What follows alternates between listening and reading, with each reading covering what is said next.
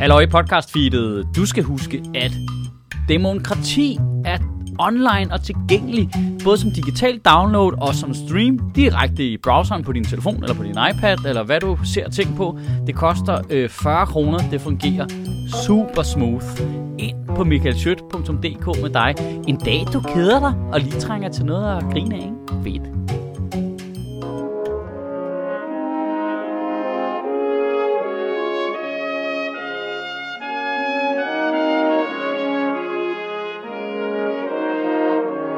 Goddag. Der sker store fremskridt øh, på det militære område i øjeblikket. Vesten har endelig øh, overgivet sig og vil nu levere kampvogne til Ukraine.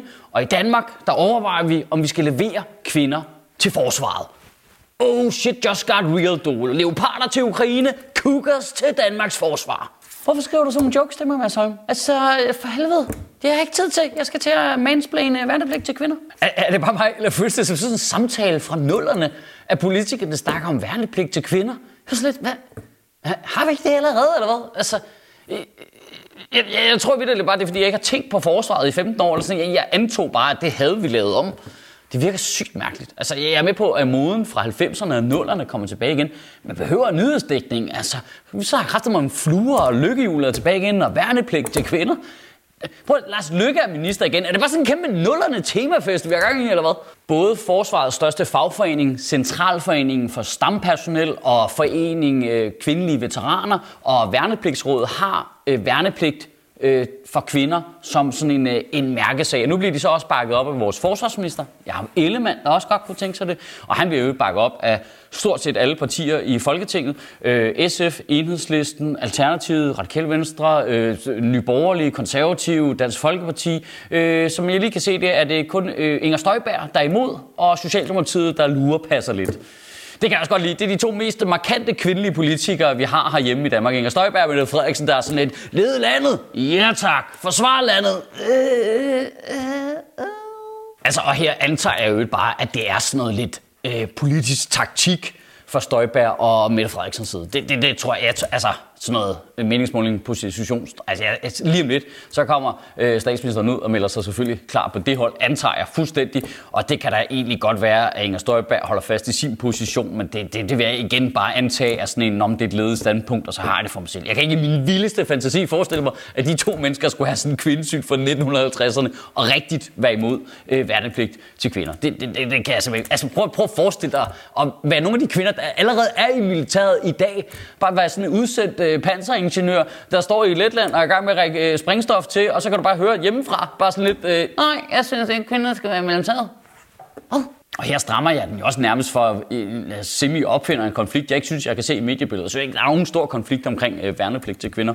Jeg tror, de fleste af os har det sådan lidt, er, er der ikke altså, er der ikke kvinder i forsvaret i forvejen? Og det, og det er der jo. De, de, de har bare meldt sig frivilligt.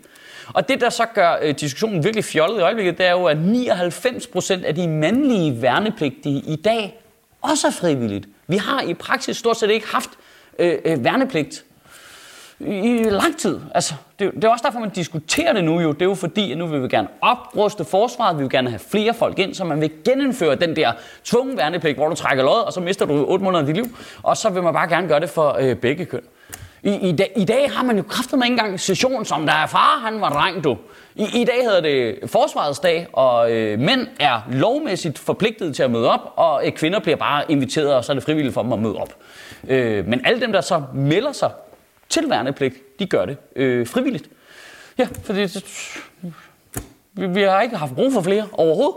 Så det er bare folk, der har meldt sig frivilligt. Så det er egentlig bare sådan en form for, øh, forsvarsdag er bare sådan en form for charmeoffensiv for forsvaret. Så sådan lidt karrieredag, ligesom alle mulige andre steder, hvor de har taget alt deres seje gear med, og du kan få lov til at skyde med løs krudt, og høre om alt deres seje uddannelser og night vision goggles. Så det virker bare sygt godt på drengene, det der, der er bare lidt, okay, hold kæft, en fed tanks, klip det tre år senere, hvor du er på kontrakt og er udsendt og skal fucking hoppe øh, i minus øh, 17 grader ned i en sø, fordi det er en del af noget vintertræning, og man er sådan lidt, okay, okay så, fed er den heller ikke, så fed er den heller ikke. Jeg synes godt, at vi kan videreudvikle på værnepligten, nu vi er i gang. Altså, nu vi har åbnet for posen. Altså, øh, jeg vil da gerne stille mig øh, skeptisk over for, at det er lige præcis 18-19-årige mænd, lad os være ærlige, øh, drenge, som vi vælger at træne i at bruge våben. Altså, jeg synes, der er rimelig hård evidens for, at, at, at den mandlige teenagers hjerne kognitiv er noget bagud i forhold til jævnaldrende kvinders. Altså, øh, måske vi kunne lave differentieret værnepligt, så øh, vi indkalder øh, 18-19-årige kvinder, og så øh, 20, 22, 23-årige mænd i stedet for.